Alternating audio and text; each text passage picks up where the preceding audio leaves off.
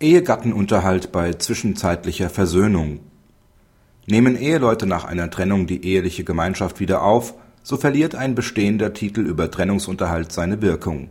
Dieser wird durch einen Anspruch auf Familienunterhalt nach den § 1360 und 1360a BGB abgelöst.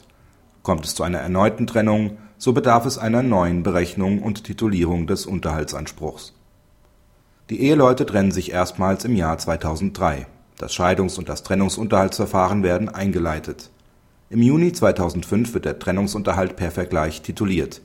Im Februar 2006 erklären die Eheleute übereinstimmend das Ruhen des Scheidungsverfahrens. Danach leben die Eheleute zwischen April 2008 und April 2009 wieder zusammen.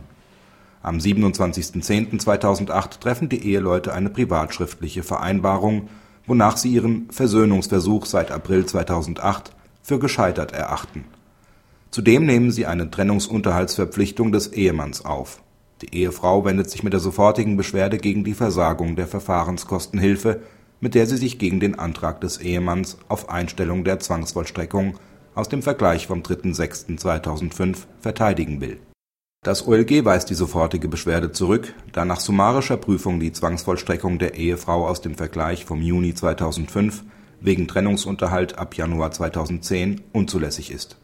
Aufgrund des zwischenzeitlichen Zusammenlebens der Eheleute ist der ursprüngliche Anspruch der Ehefrau auf Trennungsunterhalt nach § 1361 BGB durch einen Anspruch auf Familienunterhalt nach den §§ 1360 und 1360a BGB abgelöst worden die unterschiedliche rechtliche Qualität dieser Ansprüche hat den im Vergleich vom Juni 2005 titulierten Anspruch der Ehefrau auf Trennungsunterhalt erlöschen lassen.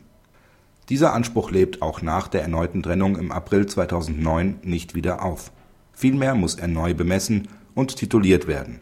Selbst wenn man davon ausgeht, dass die zweite Trennung bereits im Oktober 2008 war, so hätten sie für einen Zeitraum von wenigstens sechs Monaten zusammengelebt so dass für die Annahme einer lediglich vorübergehenden Versöhnung kein Raum ist. Zwar ist in der privatschriftlichen Vereinbarung vom Oktober 2008 die Höhe der Unterhaltsverpflichtung aus dem Vergleich von 2005 übernommen worden, durch Abfassen dieser Vereinbarung haben die Eheleute allerdings in Übereinstimmung mit der bestehenden Rechtslage gehandelt. Eine Bezugnahme auf den Unterhaltstitel vom Juni 2005 erfolgte aber nicht. Praxishinweis Richtigerweise hat sich der Ehemann mit der Vollstreckungsgegenklage gegen den Titel aus dem Jahr 2005 gewehrt.